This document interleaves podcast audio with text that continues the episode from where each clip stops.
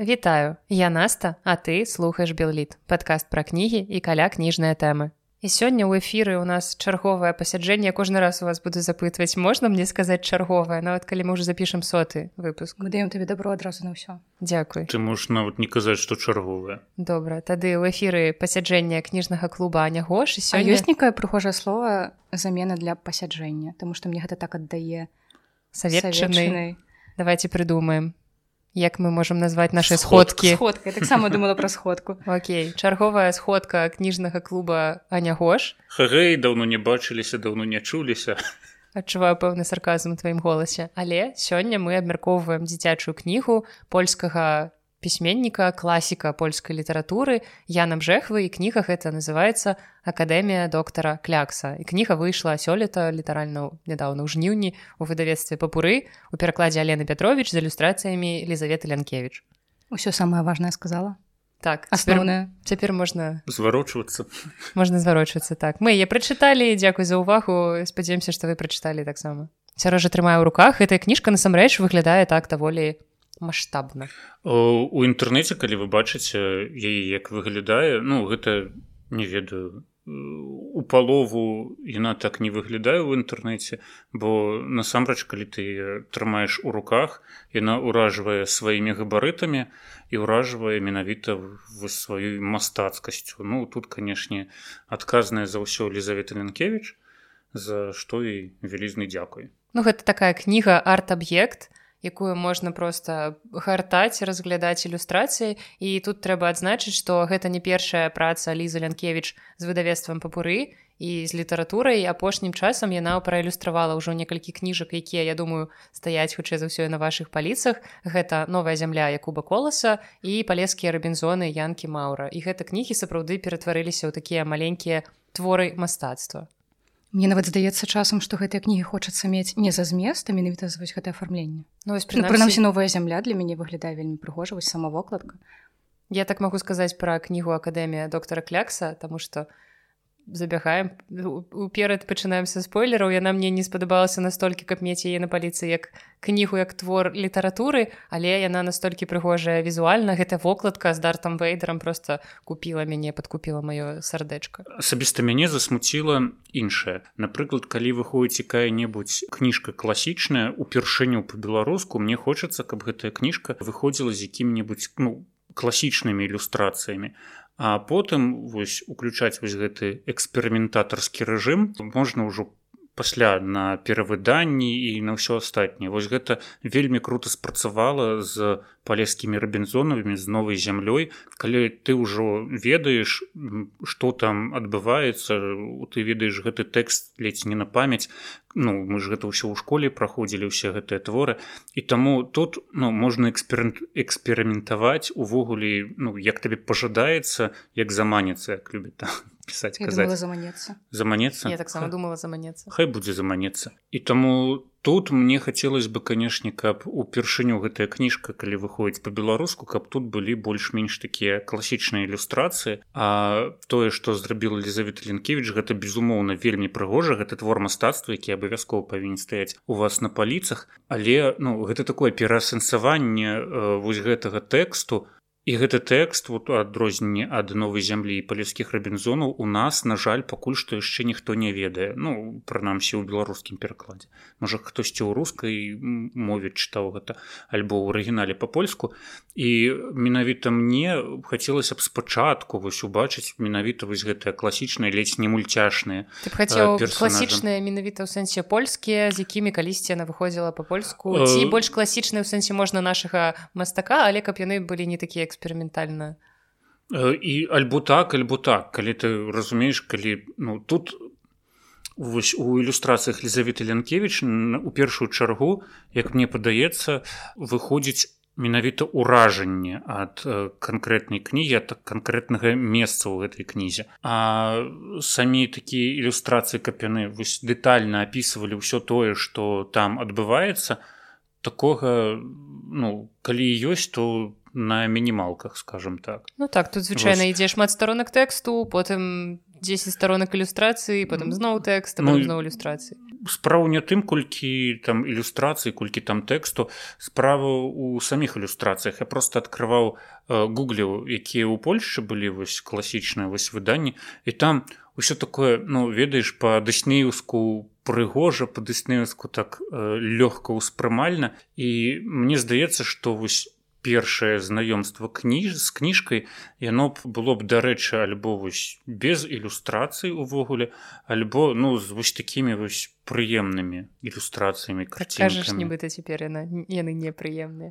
Ну зараз яны па большай у большай частцы яны все ж таки я не ведаю як гэта назваць акром як эксперыментальнасць якая просто для мяне гэта ілюстрацыі цалкам адпавядаюць поўнай абсурднасці так. поўнай абсурднасці таго што адбываецца так я разумею я разумею. Але ну э, ведаеш калі я гартаю гэтую кніжку я не адразу магу падумаць што гэтая кніжка для дзяцей.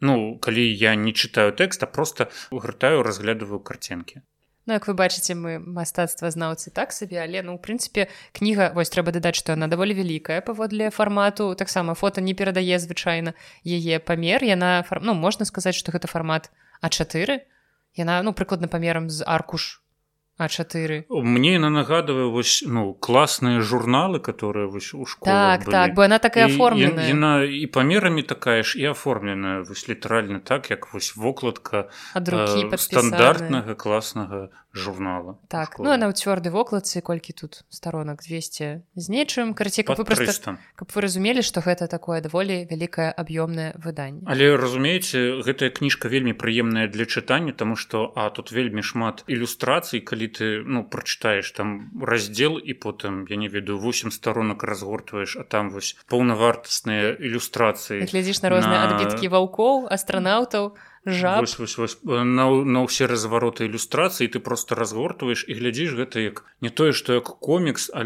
тут нават гэта як вось ну ведаеце як мульцікі робяць калі у блакноціку малююць малюнкі mm -hmm. і там каб рухаліся да, каб рухаліся. Ты вось так можаш таксама хутка перагортваць старонкі і адразу ж там глядзіце гэты мульцік і вось такім чынам штосьці падобнае прынамсі мне падалося. І таму яе вельмі вельмі хутка можна прачытаць. Прычым сам шрифт даволі даволі вялікі палі вельмі прыемныя для чытання скажем так. Вочы не ставляюцца Ну але гэта дзіцячая кніга і таму все все разлічана на тое каб дзеці таксама маглі за салоды гэта прачытаць але гэта яшчэ для такіх сляпых дарослых як я. Я калі разгортваю кніжку і бачу я вялікі шрыфт адразу такая палёгка што нармальна нічога не будзе балець але ну абмеркавалі мастацкі бок можам прынцыпе перайсці да аўтара бо заўсёды першае ўражанне ад кнігі ў нас у любым выпадку ствараецца ад візуальнага складніка. Мы бачым вокладку мы трымаем е ў руках мацаем перагортваем старонкі і тут як бы адразу калі ты бачыш гэтую кнігу трымаеш у руках здараецца з ёй мэтч. Ты разумееш ну, гэта прыгожа так. яна даволі яркая запамінальная на паліцыі дакладна будзе выдзяляцца і не толькі памерамі ну і знешнім выглядам гэтым ружовым карэнчыкам тут мы цалкам усе мабыць адзінадушныя ў тым што гэта прыгожа. Ну гэта прыгожы паўтаруся зроблены класны журнал просто аб, быццам бы аблеплены сцікерамі з усіх бакоў. І сцікеры такія даволі прыгожыя і пазнавальныя дзесьці дарт вейдер дзесьці нават можна знайсці грута улюбёнага персонажа насты. Дзе ты его знайшоў там? Ззаду. Не бачыла маленькі пазор я не разглядала ззаду Я таксама ззаду дарэчы не разглядала толькі што сярожа паклаў гэтую кніжку гэтую фразу вельмі добра канешне вырываць з кантэкста тут есть нейкія сабака сабакі ну так і тут есть круто нейкія пудзелі карацей а і бэтмен. Маска бэтмана побач з грутам карацей вам будзе чым заняцца нават калі вы дарослы дзядзька ці дарослая цётка пазнаходзіць нейкія любімыя спасылкі на поп-культуру. А цяпер пяройдзем уласна да кнігі Ну і зразумела кніга пачынаецца з аўтара таму мы трошки пагаворым пра аўтара бо як аказалася у яго ёсць некалькі такіх цікавых фактаў біяграфіі якімі я ўжо паспела здзівіць насту і сярожу. Пачнём з таго так здзівіліся так, нас такая что дагэтуль дысці ад шоку не можа. Так так все менавіта так і было. Пачнём з таго што Ян бжэхва дарэчы вось калі вы пачулі яго імя ўпершыню вы падумалі што гэта сапраўднае прозвішча чалавека. Ці у вас былі ўжо думкі што гэта псеўданім? Так былі думкі што это сапраўднае прозвішча. Я дагэтуль упэўнены што гэта сапраўднае прозвішча ўсё што ты нам зараз будзеш расказваць што гэта прыдумка. прыдумка і прыдумкі гэтай кнігі.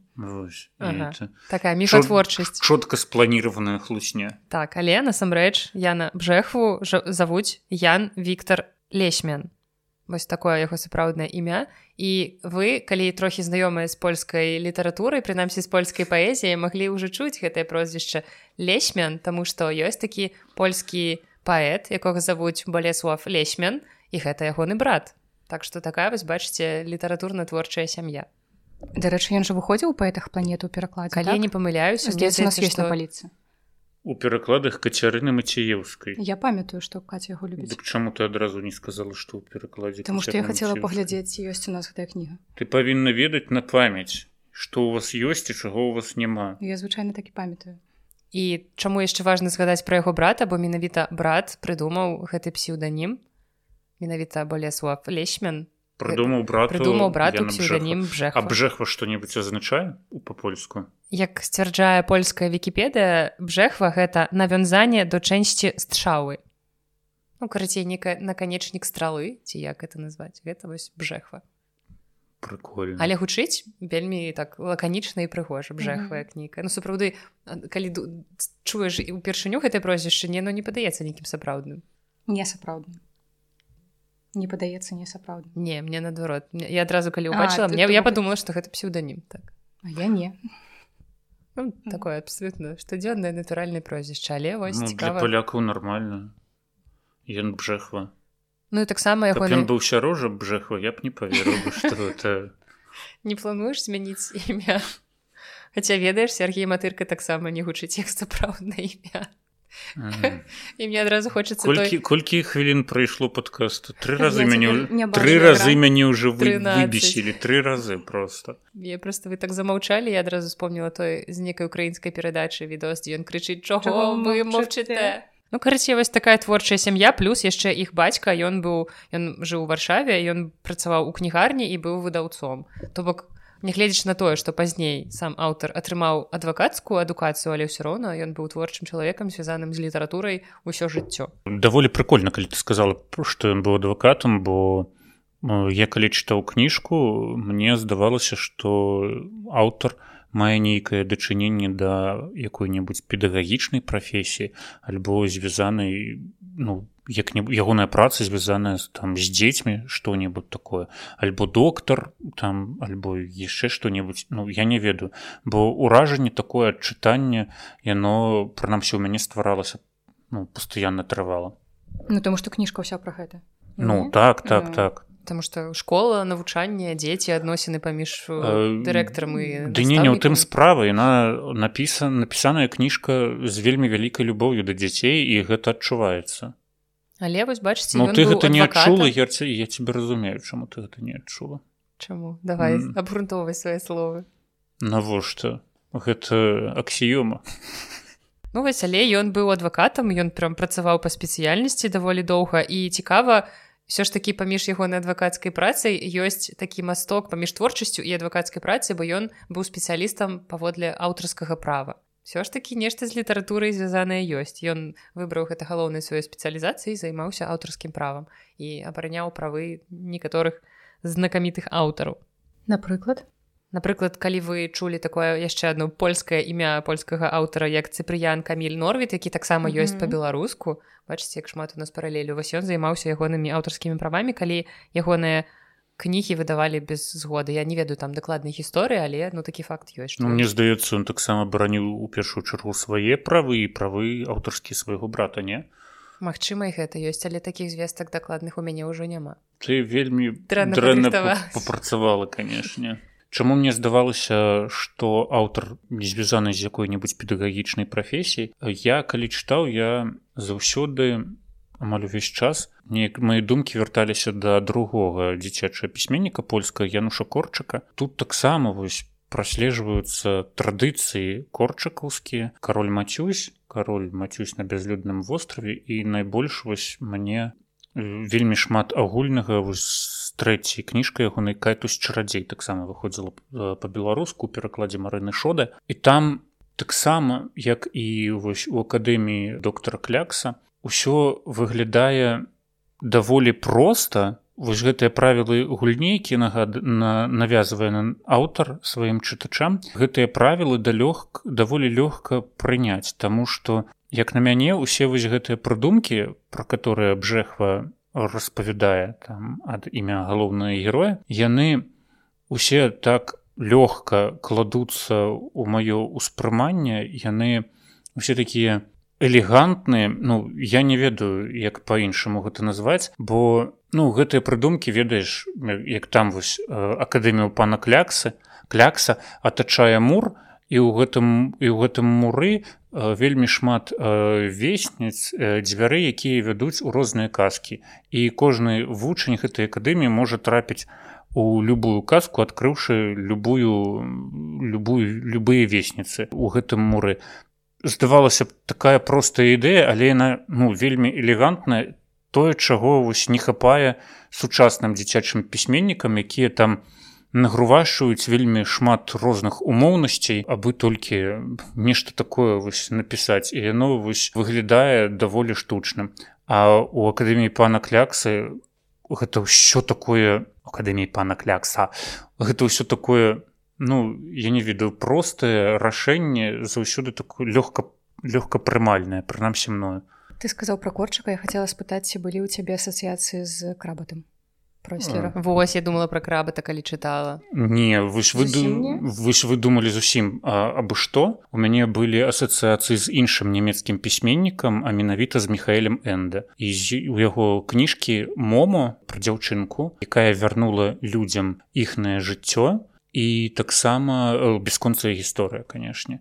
Бо вось гэта ўсе ну, вось дзве кніжкі яны таксама фантаніруюць рознымі ідэямі фантаніруюць рознымі там фантазіямі. Гэтаксама як вось акадэмія э, доктара клякса. Адзіны мінус ну як мне падаецца у кніжзе э, яна бжэхвы заключаецца ў тым что ну, ну вось гэта кніжка яна такая выключна апісальная. У гэтай кніжцы няма такога скразнога сюжэта які б ішоў там ад першай ад першага раздзела да апошняга. Таму ну я не ведаю зараз Магчыма у цяперашнія часы яе чытаць будзе не ўсім цікава А напрыклад у таго ж михаэля энда у яго як бы усе вось гэтыя прыдумкі усе вось гэтыя цікавыя ідэі яны як бы нанізаны на асноўны сюжэт за якім вельмі круто там сачыць назіраць і які ты ніколі вось не выпускаеш з галавы. Тут напрыклад у яна бжэхвы я магу чытаць пяты раздзел і там на сярэдзіне пятага раздзела я магу цалкам забыцца што пра што распавядалася ў чацвёртым. І тое што адбывалася ў чацвёртым раздзеле яно абсалютна ніякай ролі не іграе там у наступных раздзелах. Дарэчы вось яшчэ кніжка таго ж михаэля энды гузік джим і лукас машыніст таксама там маю галаве адразу грае песня з мульціка хейджим батон гэта быў клёвы мульцік я толькі адцярожа даведалася што гэта аказваецца экранізацыя нібыта вось кніжкі михаэля энды але для мяне гэта быў просто то значыць нібыта на... ну гэта для мяне быў просто мульцік на канале джетиксплей але потым я даведалася што аказваецца гэта экранізацыя і гэта было незвычайна з гэтымі аматарамі мне даводзіцца знаходіцца ў адным сысці. Все я ухожу. валі але насамрэч вось тое што ты сказаў пра адсутнасць сюжэту гэта было маёй асноўнай прэтэнзіяй. Таму што я ну зразумела калі ты чытаеш дзіцячую кнігу ты пачынаеш параўноўваць яе з іншымі кнігамі. Калі ты чытаеш кнігу пра нейкую нібыта магічную установу кшталту акадэміі школы ты зразумела пачынаеш гэта параўноўваць там з найбольш яркімі прадстаўнікамі жанру. Канешне да гары потара не будзем мы зноў параўноўваць усе кніжкі з гары потарам як абураюцца нашы слухачы што а вы што ўсе кнігі з гары потарам параўноўваць не не ўсе. Гэту не будзем. І ў мяне пра крабата так была такая думка тому что ну зноў жа гэта школа дзеці якія прыходзяць вучыцца. Але крабат і гарры поттер яны ўсе для мяне былі трошки на іншым узроўні тому что там быў сюжэт там быў канфлікт там было нейкае пытанне праблему якую трэба было вырашыць і гэта тое чаго мне не хапіла ў гэтай кнізе потым да мяне прыйшлі ў галаву такія параўнанні ёсць кніжка амерыканскага акцёра крыса колфера яго есть такая вядомая серыя краіна казак і вось я чытала першую частку і там двое дзяцей трапляюць у кнігу ім дораць на дзень народзіну такую загадкавую кнігу казак яны трапляюць унутры там сустракаюць усіх знаёмых персонажаў літаратурных напрыклад ну, але яны ўсе там займаюцца нейкімі бытавымі рэчамі накшталт беласнежка якая прасуе ці там праннем займаецца і гэтак далей і вось гэта кніга зноў жа она была сюжэтам там у дзяцей была пэўная місія якую трэба было выканаць знайсці там пэўныя рэчы каб выбрацца з гэтага свету. У кнізе я набжэхвы я просто чытала набор апісанняў і мне вельмі падавалася што аўтар там штосьці курыў падчас э, ці прымаў падчас напісання гэтага твора Таму што гэта былі настолькі абсурдныя часам былі прыгожыя. Вось з вандроўкай у казкі мне спадабалася калі герой напрыклад сустрэўся з гансам хрысціянам андерсонам і з героем яго кніжкі. Гэта сапраўды прыгожа. Але некаторыя некаторыя прыдумкі ў мяне выклікалі лёгкае адчуванне крынжу.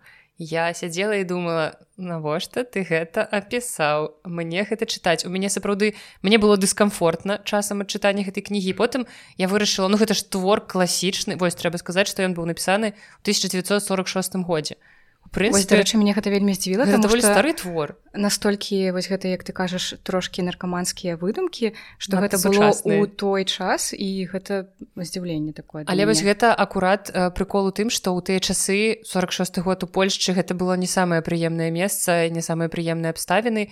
І каб неяк збегчы ад вось гэтай шэрай рэчаіснасці Магчыма вось з такімі думкамі Ян Бжэхва ствараў свой твор. Яшчэ вось тое што ты казала пра адсутнасць сюжэту ён прынамсі тлумачыць ён дае гэтаму як сказаць абгрунтаванне аўтар. То бок ён жа кажа пра тое што гэты галоўны герой адам нязгодка ён вядзе нібыта дзённік.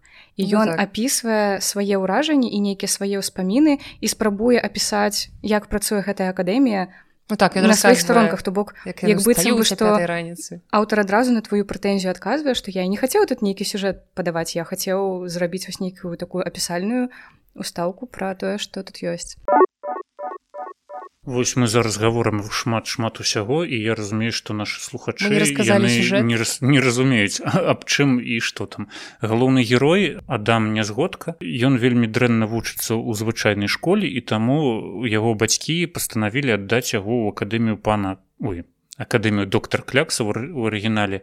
Там усё ж таки пан клякс. Яго вырашылі аддаць туды Таму што там ці павучыцца усім нашмат цікавей нашмат лягчэй і там такія і там выходзяць усе такія разумнікі. Там адразу з першай старонкі пачынаюць старонкі адразу пачынаюцца усе вось гэтыя умоўнасці і даволі цікавыя факты пра гэтую акадэмію. Напрыклад у гэтую акадэмію прымаюць выключна хлопчыкаў і выключна тых хлопчыкаў імя якіх пачынаецца на а потому что пану кляксу ляноты замарочваецца з астатнімі. Там так і піша што ну, не хочацца зу дадумацца пра іншыя літары алфавіт. Ну вось ну гэта адразу такое Ну, для мяне гэта ну прикольно ну, гэта было смешна так. улічваючы што самога пана клякса завуць арсень таксама mm. на а і потым галоўны герой адам ён ужо расказвае як яму вучыцца у гэтай акадэміі што яны там праходзяць што цікавага ён там сустракае. І вось ад першай да апошняй старонкі гэта вось выключна бытавыя апісанні таго што адбываецца ў гэтай акадэміі. Там як на уроках так і па-за урокаў што яны там ядуць. Дарэчы з першай старонкі то ты адразу разумееш што гэта кніжка была напісаная пасля вайны альбо падчас вайны бо у гэтай кніжцы прысутнічае я не ведаю вы заўважылі ці не заўважылі такі пэўны культ ежы. Мы заўважылі там уж мы так заўважылі про ежу там опісваецца вельмі шмат і вельмі такое мне здавалася что аўтар пісагелістая аўтар пісаў гэта для того каб э, дзецям чытаючы гэтую кніжку узбудзіць у дзецях апетыт каб яны ели сваю вось гэтую тушуную моркву і крупнік ці что там было. Ну, звычай, звычайную ежу которая вось была тады ў 46 альбо пасля пасля 46 мне вось запомніўся момант у іх жа там была помпа якая усю ежу якая была вось гэта асноўная яна павялічвала да пэўных памераў таму яны наядаліся. ўсё павялі ну, так павялічвала вось ежу яны так рабілі то бок прыгатавалі кавалачак адзін пасля гэтай помпай скарысталіся і яно стала такіх памераў што хапіла на ўсю акадэмію. А пра пірожныя ён згадвае што гэтая помпа не прымянялася да пірожных тому што гэта не абавязковая ежа і гэтыя пірожанкі трэба было гатаваць у поўным аб'ёме ну натуральным то бок вось таксама гэтая роля у тыпу харчуйцеся так, з маралізатарскім так. падтэкстам здаровага харчавання але гэта класна што гэта толькі падтэкст і няма ніякага вось ты сказала маралізатарскі ну, ну, няма. Так, так, і, няма. і гэта вось тое што гэта гэтую кніжку адрознівае ты же хронік нарні дзе там я не веду маралізатарства на мар... на маралізатарстве маралізатарствам паганяе вось таму я не полюбіла Мачыма калі б я прачытала хронікі нарні ў дзяцінстве як гары потара таго ж можа быть мне б і зайшло тому что я б тады не задумвалася про ўсе гэтыя хрысціянска маралізатарскія падтэксты але я прачытала ўжо даволі дарослым свядомым чалавекам і я іх навідавоку для мяне былі і то ж самае магчыма з кніга сем камянёў якая таксама можа быть у дзяцінстве мной прачыталася б нармальна але я чытала яе ўжо дарослая там што она выйшла калі я была дарослая і для мяне гэта было тумач Ну так і вось тут канешне вялікі плюс я набжахваў тым што ён не скатываецца ў рэлігію пры ўсім пры тым якая вядо, вядомая Польша пасля войны так. пасля войны вось вельмі такая. Нават зараз мне здаецца. Ну так Вось кніжка на вельмі дасціпная вельмі шмат такіх камічных сітуацый ствараецца але разам з тым бжэхваў умела перамешвае розныя іншыя ну дамешвае розныя іншыя матывы. Напрыклад гісторыя мацея асабліва ну завяршэнне гэтай гісторыі. Мацей гэта э, шпак які э, працуе на доктара клякса які ва ўсім яму дапамагае. Прычым гэты шпак ён гаворыць толькі канчаткамі слоў. Там напрыклад вага ак гэта значыць увага шпак но усе вучні ўжо вельмі добра яго разумеюць калі нават ён гаворыць без пачаткаў слоў. Але для чытачоў ўсё ж такі ян жэх выдае расшыфроўкі. Ён звычайна дапісвае ён вось гэта вага ак што азначала увага шпак? Ён амаль што кожную ягоную фразу перакладае так і гэта правильно бо я напрыклад калі чытаў фразы шпака не разумеў тому что не ведаў куды ставіць націск. Так. і потым такі а блин націск павінен быў стаяць тут тады ўсё зразумела як гэта гучыць у арыгінале і напрыклад вось гісторыя мацея вяртаюся да яе заканчэнні гэтай гісторыі ну даволі вусцішная як на мяне нават вось для дзяцей не? Вось і менавіта гэта тое што я параўноўвала з крабатам Чаму я згадвала тому што ў гэтым творы ёсць вусцішныя моманты якія былі ў крабаце кшталту у крабаце там павесіўся хлопец да? такі просто... і ты такі сидзіш былін і тут момент. вось гэтыя моманты калі напрыклад у канцы раскручвалі гэтую ляльку калі ўдумацца у тое што адбываецца Ну там гэтай ілюстрацыі дзе кавалкі лялькі рука так, там цела так. там. І я разумею чаму я вось, здаецца пачынала казаць гэтую думку про тое што кніга выйшла даволі даўно і я вырашыла паглядзець чаму раптам яе вырашылі выдаць па-беларуску я пра гэты твор калісьці даўно чула ад палякаў і вырашыла паглядзець сапраўды гэта такі легендарны і культавы твор для палякаў я зразумела што тое што я паспела нагугліць. Для палякаў яна больш важная ўвогуле ў якасці экранізацыі. Яны вельмі любяць у іх ёсць нейка там знакамітая экранізацыя гэтага mm. твора. Але многія на мульцяшная альбо звычайная як фільм. Але многія з чытачоў сучасных кажуць што мы праходзілі гэты твор у школе і зараз вырашылі перачытаць і мы не зразумелі навошта мы гэта чыталі ў дзяцінстве яны называюць гэтую кнігу рэальна некамфортнай ад таго што ну ім неяк няёмка і там многія пісалі што мае бацькі мне вельмі раілі гэтую кнігу падсоўвалі казалі што гэта кніга іх дзяцінства але я ўжо не так успрымаю гэтую кнігу як яны і сапраўды можа быць для дзяцінства іх бацькоў якое якраз прыходзілася там на 50 60 гэта кніга была такім яркім у праменьчыкам нейкім выратаваннем але для нас цяперашніх яна чытаецца сапраўды. Вось ну для мяне гэта таксама было вельмі некамфортнае чытво. Ну тут вось ведаеш галоўны герой э, доктор клякс ён э, просто параўноўваецца цяпер э, з многімі іншымі героямі іншых там літаратурных твораў ну цяперашні я который ўжо там вырас на ўсёй вось гэтай папулярнай культуры стыкеры ад якіх там на гэтай кніжцы можна знайсці. Я параўноўваў гэта галоўны герой таксама з велівонкам который э... таксама даволі трэшовы персонаж вось даволі трэшовы перш... персонаж але пры ўсім пры гэтым велівонка ён застаецца такі даволі э, прыемны і за якім ну цікава назіраць. А напрыклад тое што робіць доктор клякс там ну прабіраюць прабіраюць дрыжыкі. прылеплівае сабе радзімкі. Якія радзімкі? О не радзімкі ці ж як это что он прылепліваў сабе? Рабацінкі. А рабацінкі. К розніца? Для мяне гэта ўсё просто плямы на твары дзіўныя можна выкіну этой кубкам. Не? А калі можна ты туды скажаш Я сама табе скажу калі але ў любым выпадку мне падавалася што гэтая кніга для маладога пакалення сучаснага яна трошки небяспечная тому што ў мяне ўсю кнігу не знікала ўражанне што яны пастаянна ўжываюць нейкія псіхатропныя рэчывы і аўтар гэта прям апісвае вось там было пра тое што яны пілі па-першае сонны квас потым калі ім сніліся сны і ён збіраў іх сны і выціскаў іх да гэтай нейкай фарфоравай міскі і там яны сушыліся нейкі час. А потым калі яны высыхалі як парашок ён спецыяльнай машынкай рабіў з іх пасцілкі і гэтыя пасцілкі яны ўжывалі. І я думаю пра што ты апісваеш? Гэта рэальна выглядае як ужыванне нейкіх не вельмі забаронены наадварот не вельмі. Так цікава тому што я пра гэта нават не задумвалася я чытала гэта як нейкую вяршыню фантазіі. Вось а я надта рэалістычна гэта ўспрыняла. Навошта ты гэта ўспрымаеш так реалістычна ну... Не, ну, ну, разумееш, разумееш, такі, з такімі мазгамі конечно там любую так, не, ну, любую кніжку дзіцячую можна затрэш фэнтэзі кнігі не mm. так сур'ёзна трэба ўспрымаць але я не магла пазбавіцца гэтага ўражання Як на мяне цяпер гэтую кніжку трэба ўспрымаць просто як помнік дзіцячай літаратуры як помнік сваёй эпохі. Тут канешне трэба заглыбляцца ў гісторыю дзіцячай літаратуры але ну трэба сказаць что э, ну вось даўней там якім-небудзь там в 18 стагоддзі дзіцячая літаратура гэта было суцэльнае маралізатарства рабі так не рабі так і як такой дзіцячай літаратуры яе не было гэта просто такія дыдактычныя тэксты у там што трэба рабіць дзецям слухацца не слухацца і, і такога пацешнага пацешнай формы такой ну як такой яе не было.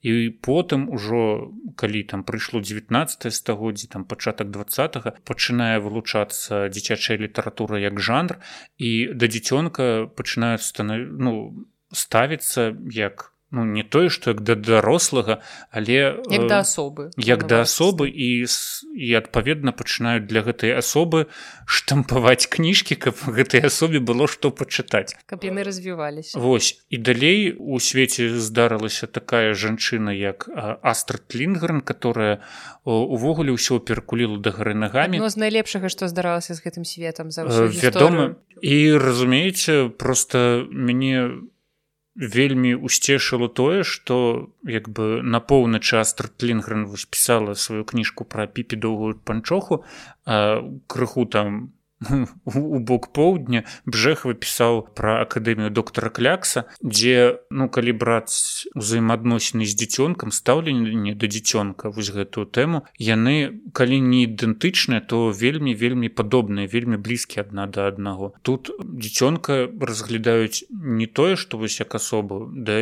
дзіцёнка ставіцца як ну як да чалавека які яшчэ не, не стаў дарослым. Але ну галоўнае тут ну даросласць нейкая ў гэтым творы яна э, ну, праслежваецца напрыклад мяне б не здзівіла калі б у гэтай кніжцы як ты казала у крабаце там дзіцёнак вешаецца мяне б не здзівіла калі б у гэт... А я хто сказаў што да цябе звярнуўся мяне б не здзівіла каб на гэт... на старонках гэтай кніжкі хто хтосьці хтосьці памёр гэта ён у прынцыпе памірае гэты панклякс.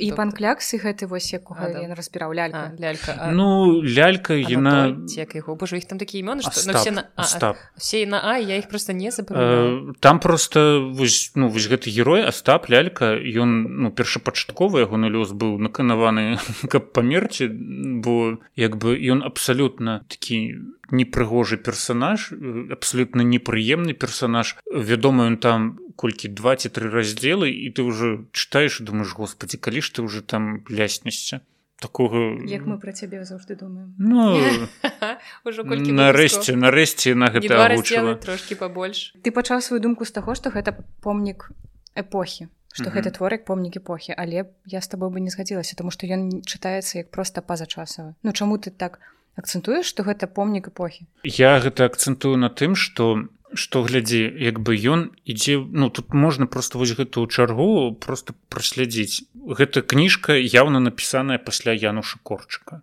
Але яны прыкладна аднаго пакалення. Януш корчык нарадзіўся ў 1878 і праз 20 гадоў нарадзіўся Ян Бжэхва але корчак памёр трошки раней дзеці ў сороквыя абжэхва до 60 то бок па сутнасці яны прыкладна одно пакаленне засталі трошки пазней. і вось акадэмія доктора клякса вось на паступальна і на вось праслежвае і усе традыцыі януша корчыка. Просто яна ну бжэхва перарабляе гэтыя традыцыі вось под сваю манеру. Так часам гэта як ты сказала крынжова але ну разумееш гэта і прыцягвае увагу ты напрыклад ты ну нават выпісала тое што робіць з тымі с намі каб ну паказаць. Так бы ты б не запомніла і калі б гэта было так проста ніхто б гэта про гэта б не расказваў. А мы тут ужо сядзім і трындзім про гэта я просто выпісвала бо першая думка якая мне прыйшла калі я ўпершыню сустрэла такой такі эпізод дзе яны штосьці ўжываюць каб гэта далей мела развіццё ў сюжэце. І мне прыйшла такая думка што вось падчас знаходжання ў гэтай акадэміі гэтыя хлопцы яны пастаянна карыстаюцца нейкімі дадатковымі субстанцыямі для таго каб трапляць у розныя прыгоды якія ну звычайны дзіцёнак у нармальным стане свядомасці незмененым ён бы сабе гэтага не прыдумаў. Я разумею што я перабольшваю але такія вот у мяне склаліся Вось і калі ўжо вяртацца да тваёй вось гэтай прэтэнзіі да мяне чаму гэта час эпохі вот час эпохі я калі чытаю у мяне вось заўсёды прысутнічала вось адчуванне этапнасці пэўнай. Бо тут ну такое адчуванне што бжэхва ён просто вось зафіксаваў што дзіцячая літаратура яна ўжо крыху змянілася асабліва пасля вайны яна павінна быць крыху іншай і у гэтай кніжцы ён просто я не ведаю як возьмеш адкрыеш любую там навуковую працу першы раздзел бібліяграфія альбо там як гэта пытанне вывучалася.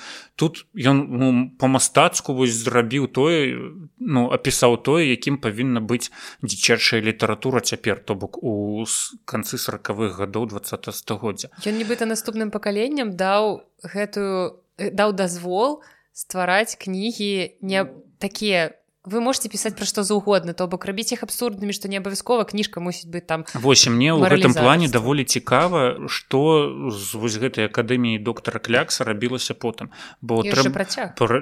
Вось, я, да, кнігі, я да гэтага і вяду што пасля бжэхва напісаў яшчэ дзве кнігі падарожжа доктара клякса і трыумф доктара клякса. Яны храналагічна пас... ну, яны не ўпісаны ў кантэксту бок нейкай храналогіі мне даволі цікава што там адбываецца ці ёсць там сюжэт ці ёсць там нешта. Бо паўтарусь вось гэта кніжка ў мяне вось утварыла ўва мне вось адчуванне вось гэтага нейкага пытання ой нейкага этапу і закладванне нейкага пэўнага фундаменту да для далейшага развіцця дзіцячай там ну эмацыянальнай польскай літаратуры. Вось у мяне тады пытанне да нас ці чытала ты януша корчака?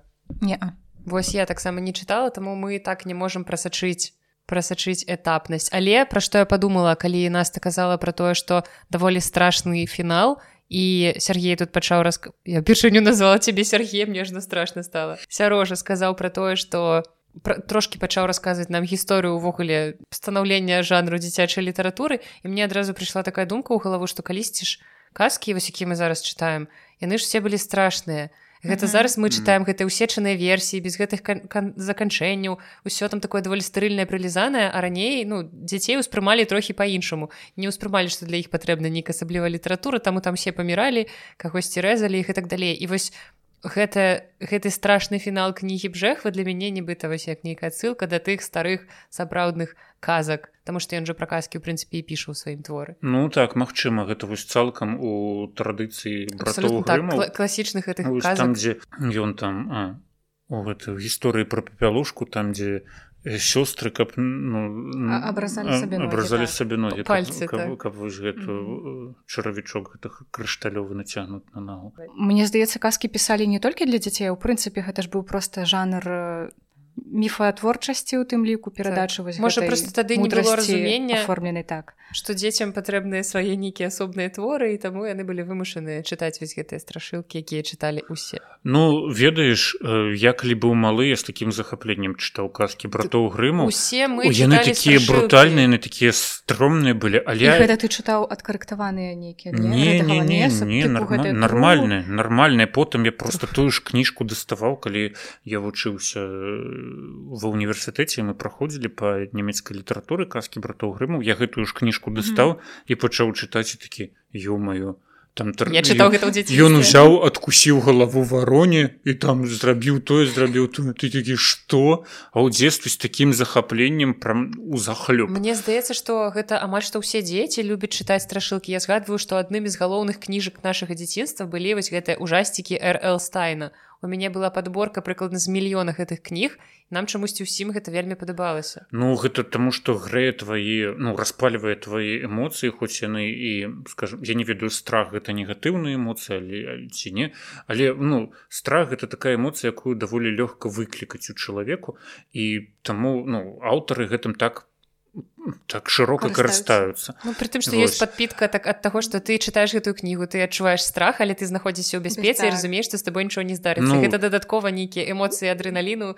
на гэтым у прынцыпе пабудаваныя усе фільмы жахаў мне падаецца что вы пужаецеся у вас адбываецца нейкі выкід адреналіну але вы знаходзіся ў бяспецы і таму ўсё Окей. Я вельмі люблю глядзець фільмы жахаў і ну, я... улюбёны фільм жах я гляжу даволі рэдка Але ну вось апошні который паглядзеў мне вельмі спадабаўся. Гэта было некалькі гадоў таму. Пасля гэтага я не глядзеў. Гэта кіно у беларускай агуцы. Яно гучыць як мэраў борн там як адна сям'я з Еўропы пераязджае жыць у Амерыку без бацькі. І там маці і здаецца ці тут чацвёра ці тут пяцёра дзяцей. Яны усе рознага веку і вось як яны там жывуць і потым як усё оказывается зусім не так як оно было. І гэта такая гэта такое кіно калі якое я глядзеў вечарам потым я яго спыніў уключыў святло ў хаце пахадзіў па хаце і потым сеў глядзець далей. Ну вось там торкнула так цябе ну, так, норм, нормально нормально А ты любіш фільмы жахаў Ну я б не сказала што я гляджу іх з вялікім захапленнем але часам бываюць такія гісторыі якія хочацца паглядзець. Я не ведаю мне чамусьці цяпер по прыходзіць да галавы серыял такі быў по-моему амерыканская гісторыя жахаў так? Так такі так шмат сезонны восьось гэта памятаю я глядзела так? Ну бывае цікава як это паказаць сабе нервы. Хаця ў прынцыпе апошнім часам нам так хапае таму я перастала глядзець ты жыццё як сярожа два гады таму ці колькі паглядзеў апошні раз а цяпер глядзець жыццё ну, ты канешне так, гляджу сны. Ты канешне мне зараз сказала что два гады цяпер мне зразумела чым вы два гады не гляжу ага. фільмы жаху. Вось гэтая кніжка вось ты сказала завяршэнне там ну реально стромная як бы я дачытвала гэта учора вечарам. А яшчэ я пра гэтае завяршэнне падумала што гэта вельмі шмат якраз такі пра гэтую фантазію якую можна сказаць у прынцыпе аўтар васпявае у гэтым творы. Ну у мяне склалася прынамсі такое ўражанне.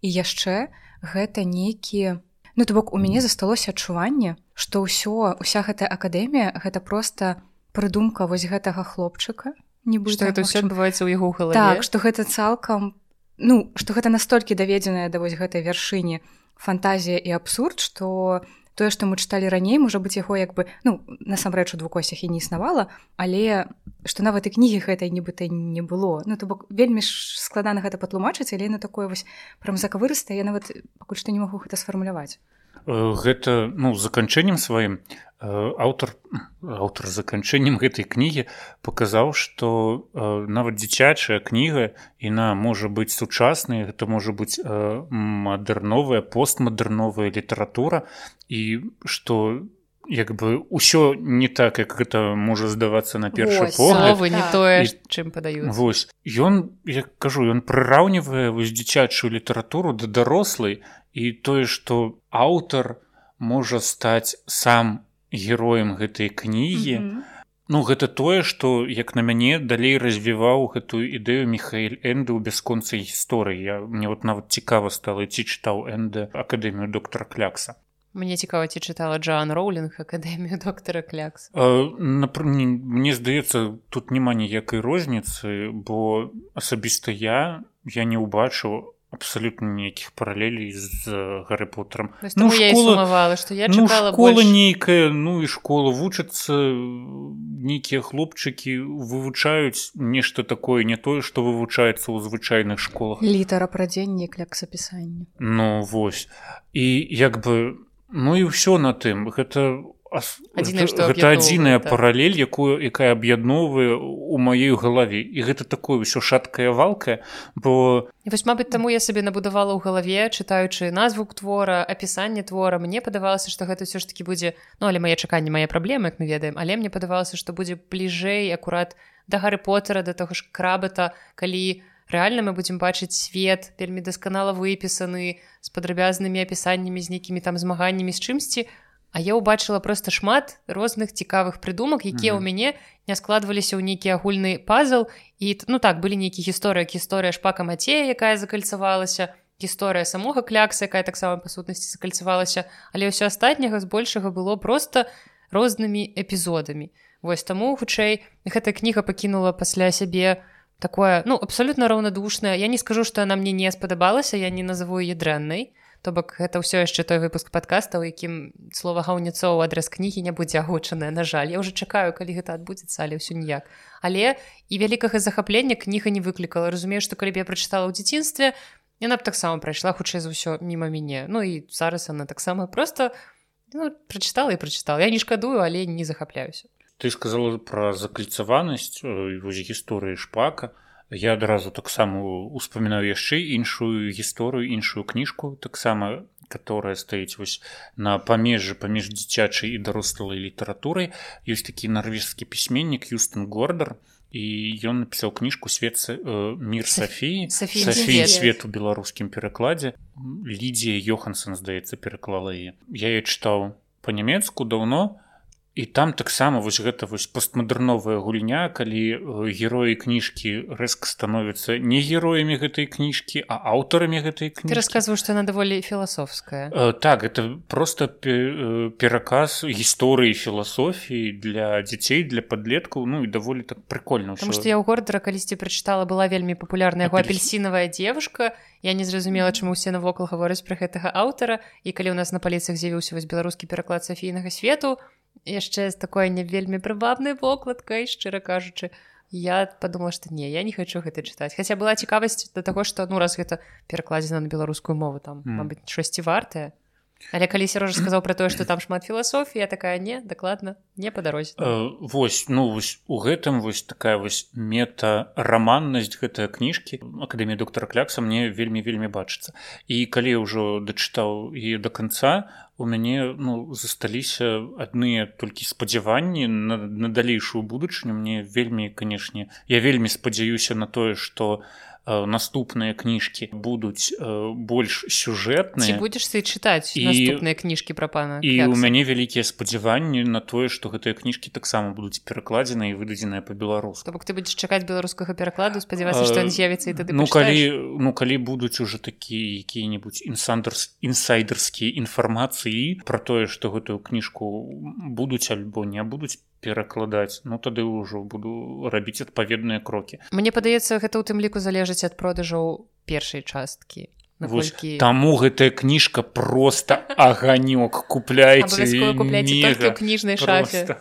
Спасылка будзе ў апісанні да выпуску Ну мне реально цікава бо я ж сказаў вось фундамент зададзены менавіта ў гэтай першай частцы. І што будзе далей якія канфлікты будзе падымаць ці будзе аўтар увогуле падымаць гэтыя канфлікты ці будзе там сюжэтнасць что там такое будзе. Бо разумееш вось гэты свет які стварыў бжэхва ён неймаверна прывабны. Там ну хочацца пабываць яшчэ раз вось пры ўсёй бессюжэтнасці скажем гэта так. Але ну ведаеце пабываць у свеце дзе там трамвай рамантуюць так як лечуць чалавека калі там пластыр на яго наляпляюць і трамвай рэзка здаровенькі падымаецца на ногі і паехаў далей. Ну гэта даволі прыкольна даволі прывабна і ўсё гэта як гэта сказаць гэта ўсё неяк так цалкам у апраўдана ў гэтым свеце но ну цалкам мае месца быць. І таму мне хочацца перажыць яшчэ одну дзве тры гісторыі у гэтым свеце таксама. Але паўтаруся я маю спадзяванне на тое што гэта ўсё ж таки будзе якая-небудзь сюжэтная гісторыя вось ад пачатку до конца таму ну вось гэтыя дзве наступныя часткі. Так мне б вельмі хацелася каб яны былі по-беларуску бо нават пры ўсіх вось гэтых э, мінусах якія мы агучылі не ведаю мы канешне іх не это спісам так не падавалі. Гэта ўсё ж таки такая класічная класіка дзіцячай літаратуры якая на жаль павінна была быць быць выдадзена по-беларуску у якіх-небудзь 50-х 60-х годах. скласіць так. адразу. Вось дзякуй Богу што яна выйшла цяперака. З ёй ўсё ўсё адно варта пазнаёміцца. Таму я думаю не трэба губляць час і не трэба губляць гэты шанец. І мне таксама яшчэ хацелася б зірнуць у арыгінал гэтай кнігі тому што я бачу што тут ёсць пэўная колькасць элементаў якія дададзены ў твор з мэтай трошки яго беларусізаваць не, не надта моцна гэта не тое ж самае што пераклад аўтаспыным па галактыцы мне здаецца тут ну вось мне таксама хочется зазірнуць у арыгінал але мне здаецца тут не было мэтай а Беларусь беларусізаваць гэты твор. Тут была мне здаецца что тут у арыгінале было штосьці незразумелае беларусам. Так. Вось і таму э... напрыклад як у эпізодзе дзе дзеці гулялі кідалі мячаны здаецца які быў зроблены з глобуса так. І трэба было называць нейкія тапонімы і тут ну ёсць тапонімы типа Аўстралія і Лондона але ёсць напрыклад рагачоў і палесе ну хутчэй за ўсё на гэтым месцы былі нейкія ну штосьці штосьці такое вельмі прывабнае польскае шчэпжэшы вось вось гэта вось які-небудзь шчэпжэшын які нічога не скажа беларускім чытачам але калі ну яны пабачаць Лондон на Аўстралію прынцыпе зарыентуюцца што гэта ідзе гэта. Але баранавічы нёман і вось таксама тыя казкі які ну не тое што которые наведаюць галоўныя героі гэтага твора а тыя казкі которые просто вось там пералічаны. Вось там запомніў качка дзівачка гэта адна з нямногіх польскіх класічных твораў вершаў якія былі перакладзены на беларускую мову. І мне здаецца перакладчыца яна акурат яе і ўстаўляла тому что гэты твор ну, мае месца быць у нашай беларускай прасторы некалі на выдавалася. Мы якраз учора з сярожам абмяркоўвалі тое што ў творы сустрэўся доктор будь здароў ага, гэта якраз тая кніжка якая ну якую мы ведаем у рускім перакладзе як доктара айбаліт Мне здаецца быў недзе таксама стары пераклад доктара айбаліта які там не ведаю у сярэдзіне два стагоддзя на беларускую мову. Але ну перакладчацца пайшла ну я мне вельмі сімпатычная гэта стратэгія што яна пайшла ўслед за тым што зараз акурат цяпер беларускі чытач можа знайсці на паліцыі так. і грубо кажучы сёлета і грубо кажучы ну і грубо кажучы он можа узяць гэтыя дзве кніжкі у руках і знайсці ўжо спасылкі адной у іншай. Ну і гэта ну вельмі круто метараман твою дывізію. Так, вось як мы сярожам абмяркоўвалі як перакладчыкі што у беларускім перакладчыкам бывае часам цяжка ад таго што калі ў творы які яны перакладаюць сустракаюцца нейкія творы іншыя розныя літаратуры творы або творы кіно і гэтак далей. І калі гэтага няма па-беларуску ты заўсёды сумуеш. І наадварот вельмі радуюся калі вось зараз я перакладаючы кінга сустракаю напрыклад цытату з эдгара по. І я разгортваю зборнік маска чырвоныя смерці знаходжу гэтае апавяданне ў перакладзе Сергея шупы і ўстаўляю стывена кінга гэтую цытату па-беларуску. Спазнак так з пазнакай што гэта пераклад Сергея шупы. І або напрыклад мне там трапілася песня джингл Беллс і я знайшла пераклад звон звініце таксама уставіла гэта туды по-беларуску і гэта вельмі прыемна. І ты тады у такія моманты не адчуваеш што беларуская культура нейкая бедная што нам нават няма чаго ўставіць але не ўсё гэта ёсць і гэта цудоўна.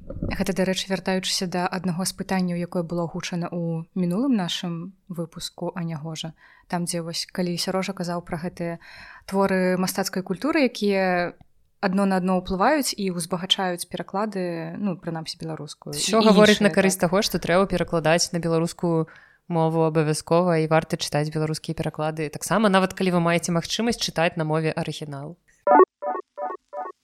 А яшчэ сёння той рэдкі выпуск падкаста дзе насупраць мяне наста і сярожа сядзяць звычайна мы сядзім побач з нас та сярожа насупраць і таму я маю магчымасць назіраць іх эмоцыі бо звычайна толькі сярожу эмоцыі назіраю ну просто такі факт незвычайны ізноў чаго вы мовчыце Вось чаму тебе сёння такой мёртв мёртвы твар такой мёртвы цімонік насупраць сядзець вось і ўсё Вось і напрыканцы ў мяне такое вось пытанне вы б параілі бы гэтую кніжку чытаць зараз толькі без вось гэта ну я правіла б калі вы такое то да то а нормально ці параілі бы вы? Я б не параіла чаму? Кому параіць людям. Ну, людзі, людзям, людям чытаць людзі чытайце но чаму тут Таму што ёсць процьма іншых твораў літаратуры нават польскай тое ж какое-нибудь магічнае дрэва Я разумею што яна больш сучасная але сучасным дзецям я не параіла б так прям чытаць гэтую кнігу з упэўненасцю што яны атрымаюць ад яе асалоду такая моя думка я б яе параіла як арт-аб'ект. Для мяне вось выключна яна засталася арт-аб'ектам які прыемна мець у хатняй бібліятэцы. Я правіла калі б людзі запытвалі менавіта штосьці фэнтэзійнае казачнае адназначна. Таму што многі вельмі складана зацікавіць сучасных дзяцей якія маюць інтэрнэт розныя серыялы гульні тиктокі гэтак далей. Іх вельмі складана зацікавіць такім бессюжэтным творам. То бок ім Гарры Поттер той жа будзе больш блізкі і зразумелы, чым гэты твор. Я б магла гэту кнігу параіць чытаць наадварот дарослым, асабліва дарослым, якія маюць нейкае дачыненне да напісання дзіцячай літаратуры, каб яны маглі натхняцца і з думкай пра тое, што і для дзяцей можна пісаць не можна і трэба пісаць непрымітыўна. То бок што можна выкарыстоўваць постмадэрнізм і гэта будзе добра глядзецца ў дзіцячых творах. Ну а я ў сваю чаргу я магу выключна параіць гэтую кніжку чытаць усім і кожнаму, бо гэта дзіцячая літаратура нетыповая дзіцячая літаратура да якой мы ўсе прывыклі так яна без сюжэта але тут кожны можна можа знайсці тое што яму спадабаецца кожны можа знайсці якую-небудзь такую такой разыначку. такое месціка пра якое не забудзецца ну ніколі. Ну і таксама дзіцячая літаратура на я ўсё ж такі за тое што яна павінна быць розная што яна павінна скажем так абслугоўваць кожнага чытача все групы насельніцтва бо ну бо таксама ёсць жа такія людзі которым там падабаецца чытаць як на прадвесні сажалка глядзіцца у неба чорнымі плоймамі палонак там у этот прыдумаў у яскравы сляпучы блакіт неба. Ну камусьці таксама падабаецца такое пра прыроду чытаць гэта я прадумаў толькі што сам я нават я нават нават запісаў гэта ўсё Таму ну акадэмію доктара клякса чытаць усім і кожнаму он стаў доктарам вось мяне гэтае пытанне непакоіла нармальна ж слова пан Чо? не ну пан гэта адразу рабства плёткі чуткі А мне падаецца тут э, трошкі іншае спрацавала каб гэтая кніжка не была скажем так надта польскай ну таму там рагачоў і нёман і баранаві не ну ты ж ты навіны чытала апошнія ну апошнія два гады? Ну, як, як у нас знішчаецца по максімуме польска ты спадзяюся хадзіла на кіно на том берегу? Куды? А ну, не... вось. Конечно я там і, ну, трох ну, вось мне падаецца что матывам чаму пана замянілі на доктара вось гэта Ну я разумею так але гэта хутчэй было рытарычнае пытанне просто я пастаянна яго называю панам я нават калі камусьці агучу што я чытаю я кажу акадэмія пана клякс так я таксама ну гэтую кніжку упершыню пачу як акадэмія пана клякса і нават там вось у рускіх перакладах яна таксама гучыць паўсюль як акадэмія путешествие пана клекта вось і мне падабаецца як ён думае што гэта рускі акцэнт. Канічна. Таму вельмі цяжка было перайсці да доктара. Так. гэта все равно кажу пан і пан. ну розніцы няма адну галоўна каб мы адно аднаго разумелі што маецца на увазе Таму пакуль ёсць грошы траце гэтыя выдавайце ашчаджайце гэтыя грошы капіце. Траце з розумам купляйце акадэмію доктара вы дакладна не пашкадуеце. Вось, альбо пашкадуеце. Ты так катэгарычна альбо так ён заўсёды зараз табе помаўчу па мордзе бойка бойка зашибісь я хацеў давесці до конца давай, ну, я ўжо ўсё у мяне вылецела з головы. ну, вось а потым пытаюцца чаму я такі дзёрзкі у падкастах камон. Ну. ты побач насты сёння сядзіш ўзровень дзёрзкасці павышаны она ўжо паўгадзіны трымае мяне за калена хладзіць ці просто трымае ну, гэта... трымае то гэта каб твае ногі не дрыгаліся а то перашкаджае перашкаджае запісу бы ты пастаянна каленкай б'ешся ў мікрафон працей купляйце кніжку дакладна не пашкадуйце кожны знойдзе альбо не знойдзе ў гэтай кніжцы што-небудзь цікавае альбо нецікавае і мне здаецца кожны вырашае для сябе вось у нас таксама у трох разышліся наше меркаванне нават антимонік на мяне накрачала за гэта мне больш няма чаго сказаць калі табе было што сказаць Ну а цяпер мы можам анансаваць наступную кніжку каб вы рыхтаваліся і гэта кніга таксама зусім свежая. Калі яна выйшла зноў жніўні у верасні карацей літаральна некалькі месяцаў таму. І гэта кніга зараславы камінскай якая называется по той бок з подзагалоўкам старыя лялькі новыя гульні імя зараславы камінскай я думаю не новая для слухачоў майго падкаста я некалькі разоў згадвала яе кнігі ў падкасці у яе першая кніга выходзіла даволі даўно ўжо. Колькі гадоў прайшло мне падаецца шмат. Гэта русалкі клічуць гэта быў мастацкі твор пра алену кіш мастачку. І другая яе кніга якая атрымала прэмію цёткі і здаецца якое другое ці трэцяе месца прэміі гідройця ну першая кніжка русалкі клічуць атрымала дэбют. Дэбют так. Ну ты сказала не не сказала але маладзец што ўспомню вось а кніга калядны стол я маладзец а калядны стол атрымала прэмію цёткі і здаецца трапіла ў тройку прэміі хітройця карацей кожная кніжка гэтай аўтаркі атрымлівае нейкія прэміі і таму цікава паглядзець што яна стварыла ў сваёй новай кнізе якая выглядае нашмат большай за яе папярэднія кнігі калі вы бачылі русалкі клічуце на кішэннага фармату і зусім тоненькая калядны стол звычайнага памеру але таксама зусім тоненька а тут кніжка амаль на 400 сторонок але калі вы убачыце вёрстку унутры вы зразумееце што можна было б канешне і зрабіць яе крыху менш крыху менш ну я ўжо зацікаўлены ў гэтай кніжцы таму што я прачытаў анатацыю і мне прям хочацца хочацца ўжо ўзяць яе ў руки таму што тэма скажем так не распрацаваная у беларускай мастацкай літаратуры і таму неяк так гарыць грыць карціць просто каб ты ведала я да? вось вось чаму ты мяне за каленку і трымаеш.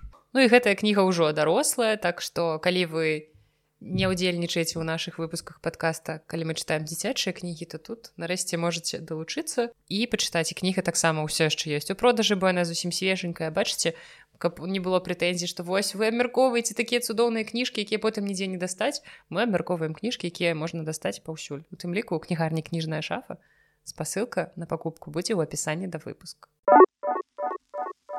Ну а цяпер пераходзім да маёй улюбёнай, як сказаў мінулы раз сярожа часткі з адказамі на пытанне. Сёння іх будзе няшмат, але гэта сапраўды важныя пытанні. Першае пытанне мы атрымалі ад Масіма Пятровіча і гучыць яно так прывітанне дзякуй за падкаст. Ці не плануеце зрабіць відэаверсію падкаста для спробы? Ці то звычайны выпуск білліта ці выпуск кніжнага клуба анягош калі няма тэхнічнай магчымасці гэта зрабіць можна арганізаваць нейкі збор грошай на абсталяванне ці на аренду студыі дзеля пробнага выпуска. І што мы кажам відэафармату не сёння і не заўтра. І не паслязаўтра. Рэч у тым што мы не бачым асаблівай патрэбы ў гэтым паколькі у Не надта прывабна выглядаюць запісы нашага подкаста то бок мы просто сядзім насупраць. Сярожа сядзіць без абутку ў шкарпэтках і мы просто размаўляем. Ну я просто заўсёды хапаюся за галаву ад іхных каментароў ад іхных думак которые узнікаюць іх падчас чытання кніжкі. Я вось адзінае што падумала што шкадую што людзі не ўбачаць якія выразы твару корчаць сярожа калі бачыць што мы гаворым і чуе гэта Затое сяр... калі мы запішам відэа сярожа больше ніколі не зможа казаць штосьці пра насту бо ён звычайна калі кажа нейкае слово а потым кажа вы бачылі які твар быў у нас ты а у нас у гэты момант просто звычайны выраз твару. І больш ніколі не зможа так вам хлусіць звычайны каменны бездушны бездушны так. так. з чорнымі вачніцамі якія глядзяцца ў сляпучую бездань неба. Ты сёння такі паэтычны просто Ён вырашыў паправіцца за мінулыя разы, але ў яго не атрымалася. Ну канешне не атрымалася гэта не было маёй мэтай Але карацей сэнс тым, што мы не бачым асаблівай патрэбы ў відэафармаце. Ну то бок вы просто будзеце глядзець на тое ж самае, што мы абмяркоўваем, толькі мы будзем сядзець. Ну гэта такая статычная і мне здаецца той, хто будзе глядзець гэтыя відэаролікі альбо як гэта Засне. назваць не засне ён просто як бы гэта ўсё паставіць у рэжым праслухоўвання І і будзе будзе займацца сваімі так. справамі просто там ну распораз кідаць позірк што ж там адбываецца на відэо а на відэо ні чарта не адбываецца мы просто сядзім тут за столом і, і ўсё Нават каленкі бы. не будуць відаць сярожу. Ну і я нават не ведаю што у такія відосы можна ўстаўляць каб я не ведаю Твой танец. мой танец ён не для ўсіх Гэта будзе толькі для патронаў ад 50 даляраў як мінімум. Але просто я, ёсць некалькі падкастаў, якія я слухаю і я ведаю, што яны ёсць на Ютубе у відэа і гэта так жа і выглядае. Яны просто сядзяць за сталом, у іх стаяць мікрафоны і яны размаўляюць. І я спрабавала глядзець, а потым зразумела навошта. Калі я магу гэта слухаць, я слухаю іх у выглядзе падкаста. Бо апошнім часам сапраўды на Ютубе сталі з'яўляцца падкасты менавіта такога фармату, дзе людзі проста збіраюцца і гавораць. Але ну гэта мае нейкі сэнс, калі ты штосьці паказваеш, то бок мы можам там паказваць кніжку, але калі мы абмяркоўваем одну Адну. кніжку, то мы будзем адну Ну і тут такая фішка ў тым што як бы па змесце падкаста нічога не змяняецца а табе трэба будзе замарочвацца нанова уваходзіць у новую стыхію для цябе э, у відэа падкасцінг ці як это можна назваць у відэа відэаблогінг. у відэаблогінг не, ведае відэаблогінг табе трэба будзе вывучаць шмат новага трэба будзе Я тут яшчэ з гукам не до конца трэба будзе трэба будзе ўваходзіць у я не ведаю якія зараз устаўкі модныя вось гэтыя мемы таксама іх так, ну мемы. гэта- Я ўстаўляю гэта, гэта мне здаецца большы галаўны боль прычым што слухачы гледачы яны ўсе рэзка стануць слухачамі і як бы сэнсу не будзе. А а замарочвацца ты будзеш нашмат болей. Мы не думалі, што людзям проста хочацца на нас глядзець просто прыемна. Я нават не дапускаю такой думкі насамрэч, што людзям можа быць проста прыемна на нас глядзець. на мяне глядзець каб было прыемна ну такая твае сабе- голыя лыткі. Ну такая сабе канешне думка Ну хаця па позірку нас ты бачу адаротная Ну, вось, калі б гэта быў відэа падкаст, вы б убачылі, што яна проста сядзіць і усміхаецца. і хціва зырыць Ну так вось я цяпер ведаю, як выглядае хцівы позірк. А зараз будзе яшчэ адзін каментарый. Таксама тут не пытанне, а просто калі папярэдняе было прапановай, то цяпер проста каментарый. Гэта каментарый ад слухача пад нікам занямонец. Ён піша наступнае. Самы сямейны выпуск падкасту. Таксама трэба адзначыць новы ўзровень гуку і тролінгу Сергея. Як адзначыла адна з нас, сапраўды пад гэтыя расповеды чамусьці захацелася простай і смачнай ежы. Гэта каментарый да нашага папярэдняга выпуска падкаста, дзе мы абмяркоўвалі кнігу ніжнія байдуны і гісторыі, якія адбываліся сярожам яго сваякамі і аднавяскоўцамі. Наш сямейны фармат перайшоў, я думаю, з гэтым выпускам на яшчэ высокі ўзровень. Ну мне Цяпер вы зда... даведаліся трохі Мне больш з- пра голыя лыткі сярожа. Мне здаецца просто наста пачынае выразаць усё меней і меней з А наших так быццам я раней шмат выразала. Не, я думаю просто, што сярожа пачынае больш выкабельвацца і таму. Я думала, я пачынаю быць сабой. разнявольвацца магла б сказаць выкабельвацца Да, разнявольвацца, дакладна. Я забыла мгм, просто гэтае слово. мгм. Ну, мне здаецца, што проста з кожным выпускам мы ўсё больш расслабляемся і разумеем, што нашы слухачы, ў прынцыпе, зразумеюць і ну як бы вот так мы камунікуем у жыцці. Ну мне падаецца трэба быць натуральным і натуралам трэба быць ну натуральная гутарка натуральныя там узаемены якія вось паміж намі развіліся. Розныя кепікі кпіны, гэта, на- гэта нашмат цікавей чым якое-нибудь там сухое ледзь не навуковае прадстаўленне той ці іншай кніжкі того ці іншага меркавання. Ну я ведаю што наста зараз са мной не пагодзіцца нават. Якая наста? Вось гэта непагаджанне Яшчэ адзін каментарый мы атрымалі ад карыстальніка з нікам беларускі малаток і ён піша. Дарэчы мяне здзіўляе якімі абсурднымі могуць быць спрэчкі разумных людзей. Вы амаль не пасварыліся праз пахт хара сур'ёзна? Вядома ж несур'ёзна Чаму вы так адразу напружыліся? Просто хочется нагадаць нашим слухачам што все тое што адбываецца ў гэтым падкасці гэта выключна створана з забаўляльнымі мэтамі і мы не сварымся Чаму вы ніяк это не каментуеце? Чаму я мушу адна апраўдвацца за ваши паводзіны я адзін думаю што мы пасварыліся з мінулага подкаста і месяц з вами не размаўляў так? Ну відаць так і было. Мы думалі што ты просто вельмі заняты у тебе няма часу на нас. Вось такія вы нячулыя і не это нечулы з хцівымі позіркамі не просто ты сказала что гэта забаўляльна але ж ну эмоцыі мы не, не ну сенсі, што мы не робім гэта, ну, гэта сапраўдныя эмоцыі але мы не сварыліся так мы не сварыліся мы просто бач нас назвалі разумнымі людзьмі Ма гэта ўсё што ты вынес гэтага каментаря ну, ну, так пасля уже не чуў ты ўжо купаўся ў промнях разумнасці. так. нашай спадзяюся. Ну, не ну, так, ну, ну, так. свае ж Карацей, не, калі... не дык вось такія вось рэчы з якімі можна там па пасварыцца яны прыкольныя пасварыцца ў добрым значэнні гэта слова пра якія можа там паспрачацца. Ну гэта ж прыкольна не? Так. Так. Мне падаецца што людзі мне падабаецца межа. Мне падабаецца што людзі гэта ўспрынялі ўсур'ёз. Значыць мы адразу за тваёй каленкай. Там іх штосьці сваё адбываецца. Я сёння сябе адчуваю ведаеце на перыферыі просто я сяджу насупраць іх мяне выселілі сюды таму што я хварэю. І мы аддзеленыя шкляным бар'ерам і таму іх там штосьці адбываецца у чым я не задзейнічана і мне няёмка рэальна працягваюць не рэагаваць на мяне але ну карацей каб вы разумелі калі мы пасварымся вы зразумееце ну оно прям будзе наўрад ці гэта трапіць на запіс так. Хутчэй ну, за ўсё калі вы зразумееце што ўжо паўгода не выходзіць новыя выпускі падкаста хутчэй за ўсё мы пасварыліся здаецца... але мы ні разу не сварыліся так не, мне здаецца у нас вось былі такія спрэчкі нашмат больш эмацыйныя але нікія не трапілі ну якія не трапілі ну, просто жыццёвыя ну... просто так. мы ні разу ў падкасці не закраналі тэму шарлоткі і а ну пра нонфікшн трошки размаўлялі але карацей калі б мы раптам пачалі размаўляць пра шарлотку тут бы хтосьці застаўся без валасоў хутчэй за ўсё Магчыма. Не ну гэта эмоцыі гэта тое, што заўсёды цікава і бачыць і слухаць, чаму б і не. Ну як бы калі нас ты саромецца сваіх эмоцый ну хто? я? Ну ты ж саромся ты ж сказала я? А ты ты ты саромеў не А хто тады саромецца я? Латэнтная сарамлівасць добрый дзень я саромеюсь сваіх эмоцый прывітанне Сергей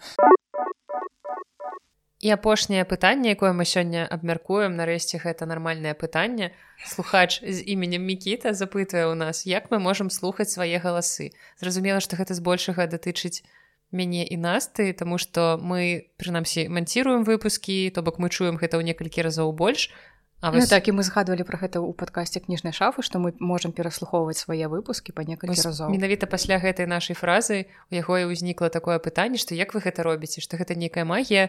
Бо звычайна мы прывыклі да таго што большасць людзей не любіць свае галасы. І асабліва ў запісе яны не могуць успрымаць свой голас. Вось мне падаецца што гэта цікавая тэма мне хочацца даведацца як вы яе ўспрымаеце бо я ведаю што напрыклад сярожа не пераслухоўвае выпускі падкаста з сабой Ну калі пераслухоўваю калісьці не у асноўным не пераслухоўваю. З анягожам я пераслухоўваю толькі самі першы выпуск. Мы рашалі за сіняй гарой вось далей ну просто ведаю... гэта звязана? З тым што ты не любіш свой голас ці просто не ці памятаеш а... так добра што мы абмяркоўвалі што ну я пр просто я ж ведаю тое што мы там абмяркоўвалі таму сэнс пераслухваць мне ну як бы яго гэта нейкая суперздольнасць бо я нават калі манцірую і калі потым калі ну, таму, што ты выйшаў я не памятаю ну... што мы абмяркоўвалі і таму а. я слухаю гэта кожны раз такой жа асалодай бо кожны раз там нейкі новы жартыкі я не, так я не кажу што мне там не ведаю гідка слухаць свой голас. Мне як-то мне як-то без розніцы. Э, просто ты его гнусавым пастаянна ты называешь Ну, толькі хто мне зда, мне здаецца ён гнусавы ў параўнанні з тым як он гучыць у маёй галаве Вось і ну параўнанні з вашымі канешне так. Вось. А, просто ну так быў перыяд жыцця там я не ведаю падлеткавасць там до 25 магчыма калі э, ты пачуеш свой голас у запісе альбо там на відэа і такі дэпрэсія на 5 месяцаў Ну і бывае такое Ну і канешне камплексаваў у той час як бы не хацеў сябе слухаць потым неяк усё гэта адпусцілася і цяпер пасталеў і цяпер пофіг прымаю сябе такім як ёсць нават са сваім э, гнусавым напаўсексуальным голасам. Якога часу гнусавасць стала напаўсексуальна ну допусцім Ну мне здаецца што мне прыкладна такое ж нейкае стаўленне таму што раней у вось гэтая тыповая калі свой голас не прымаеш здаецца. ну, не асабліва замарочвалася тому что я нічога не записывала але я зразумела што калі мы с тобой пачалі записывать кніжную шафу чым болей чуеш свой голас тым болей да яго прызвычаешься ён просто здаецца нармальным тым больш прыгожым. Я думаю что ну прынамсі наши галасы лічу прыгожымі. І гэта слухаецца. Бачылі б вы твар сярожы ў гэты момант ён закаціў вочы Так і гэта слухаецца прыемна. І яшчэ такі момант што калі я пераслухоўваю запісы я разумею што гэта я гавару. Але ў мяне ўсё роўна ёсць нейкі момант дасацыяцыі вось мы з тобой про гэта гаварылі што я разумею што гэта я але нібыта трошкі і не я. То бок я слухаю гэта як голас іншага чалавека у нейкай ступені. То бок можаш абстрахавацца і так. ўспрымаць. Так просто голас не ведаю як вы а мне зараз найбольш цікава ну калі я слухаю вас вас я ведаю як вы гаворыце я ведаю як і што вы можете сказаць. Я зараз слухаю вось выключна як вы прамаўляеце тое ці іншае як вы грубо кажучы як вы подключаеце эмоцыі як вы гуляеце голасам. І мне гэта ну нашмат цікавейшая штука чым не ведаю чым то як гучыць мой голас. Восьось Ну зараз добра прагучаў ну, таксама гуляеш мне вось э, таксама я не ведаю дарэчна будзе ці недарэчна тут згадаць вось беларускае даберства а менавіта беларускія агучкі фільмаў і ролікаў не прамаўчаць мне падабаюцца вось гэтая справа падабаюцца людзі якія гэтым займаюцца і у першую чаргу мне падабаецца то як яны развіваюцца. І ну я разумею што зараз вось людзі якія агучваюць фільмы калі вы ведаеце такія праекты ёсць мой родны гук ёсць таксама такі дабервожак который таксама ёсць прысутнічае у Ютубе. Для мяне ну было нечакана што праз адносна невялікі прамежак часу ён развіўся у такога даволі класнага спецыяліста который працуе з голасам менавіта ну так можа голасу і ну хто іншы назваў бы ягоны голас неказістым але тое як ён гуляе ім тое як ён ну я не ведаю так трапна показвае эмоцыі таго ці іншае героя ну гэта канешне вялікую працу ён зрабіў і я не ведаю апладую стоючы здымаю капялюш. Дарэчы гэта моя мара што-небудзь агучыць мне здаецца ўжо 300 разоў гэта прамаўляла ў сваім падкасці але мяне дагэтуль нікуды не паклікалі значыць мой голас адстой я нядаўна неправда я не пра... я недавно бачыла у твиттары запрашэнне паўдзельнічаць там я не памятаю нікнейм гэтага чалавека але на таксама таксама здаецца бачыла вось шукаюць людзей якія так, хотели паўдзельнічаць так. такі мікрафон? Пакуль мяне не запросяць я буду такая выкабельвацца і такая ну калі ласка запрасіце мяне yes, менавіта так. Вось тут дзе слов выкабельвацца вось просто да я таму яго успомніла але хочу расказаць пра сваё стаўленне да свайго голасу я з дзяцінства любіла штосьці записывать.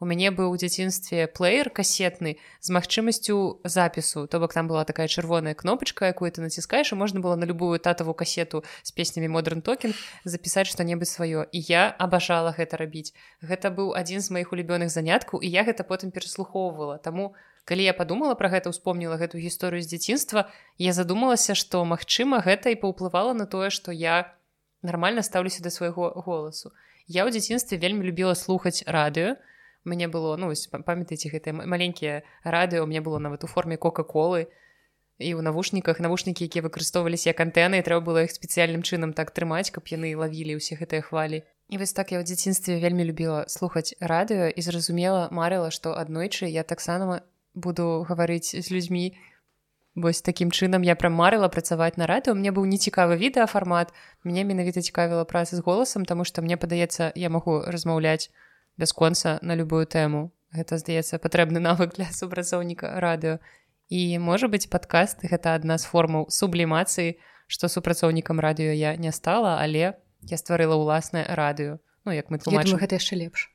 Хутчэй за ўсё так таму што тады ты не абмежаваны нічым і што хачу то і варачу як кажуць Вось. Таму а я не сказала пра сваё стаўленне да свайго голасу мне часам перыядычна людзі кажуць што ў мяне прыгожы прыемны голас які іх супакойвае. Я не лічу свой голас нейкім асабліва прыгожым. Я просто лічу што у мяне нармальная дыкцыя. У мяне здаецца больш-менш все добра з інтанаваннем але гэта можна неяк заўважыць лепш толькі ў нашых нейкіх агульных падкастах тому что вось тут таксама тонкая мяжа калі я записываю свой падкаст дзе я адна мне цяжэй інтанаваць. То бок няма вось нейкай жывой рэакцыі эмоцый і таму можа быць там асабліва мае першыя выпускі мабыць увогуле слухаліся супер драўляна што я просто манатонна шосьці там начытвала свой сцэнарый. Але цяпер калі ёсць магчымасць весці падкаст не толькі адной але яшчэ з кімсьці то мне падаецца што больш больш магчымасцяў для гульню са сваім голасам скажем гэта так. Вось але я б марыла калі-небудзь агучыць аўдыакніжку ці паўдзельнічаць у агучцы што чаго-небудзь кіно серыяла. Карацей пішыце і ў google форму запрашаем такую-то такую-то на роль такую-то такую-то що прыклад подпіс. Так. такі такі. Пячатка. Вось але я просто столькі разоў вось реально як нас ты кажа столькі разоў слухаеш свой голас пераслухоўваючы падчас монтажу і падчас пераслухоўвання саміх выпускаў што ну я абстрагуюся. Разумею па-першае што голас які чую я калі гавару зараз гэта не той же самы голас які чуеце вы які калі я гавару. Плюс я разумею што скажэнні адбываюцца і пры запісе і той голас які я чую ў запісе гэта таксама не мой голас. І людзі яго чуюць зусім па-іншаму і гэта ўсё неяк дазваляе прасцей да гэтага ставіцца. То бок я абсалютна не замарочу стварэнне метарэальнасці. Так так все і мы ўсе жывем у матрыцы ну все в принципе гэта можна на гэтым завершаць як заўсёды але карацей таксама парады для вас калі вы маеце нейкія праблемы не для вас у сэнсе для слухачоў не для вас. Вы хто сядзіце насупраць карацей калі вы маеце нейкія праблемы з успрыманнем свайго голасу тое што я магу параіць гэта записывацца і слухаць як лечыць розныя фобіі калі ты баішся не веду лётаць спачатку глядзі на самалёты просто акуратненько так адным вокам заплюшча адну а другім глядзі на самалёты ў аэрапорце потым там крок далей далей і такім чынам у выніку ты зможешь гэта зрабіць я чытала просто разумную кніжку і ведаю як змагацца з фобіямі цікава чаму она вспомнила згадала про самалёты ну ладно гэта ну, гэта адна самых распаўсюджаных фобій у свеце Ну, тады нам застаецца яшчэ раз сказаць якую кніжку мы чытаем. Нагадаем што гэта кніга зараславы камінскай по той бок кніга якая ёсць у продажы даступная свежая. Шукаеце не толькі мне здаецца у кнігарнях горада увогуле паўсюль яе можна знайсці не толькі не абавязкова ў кніжнай шафе Ну калі пагугліць мне здаецца можна это спакойна знайсці. Так. Вось. ну все дзякуй. Што былі з намі? Як міленька. Мімімі Яна ўмее гуляць сваім голасам. І не толькі голасам і не толькі гуля і не толькі сваім.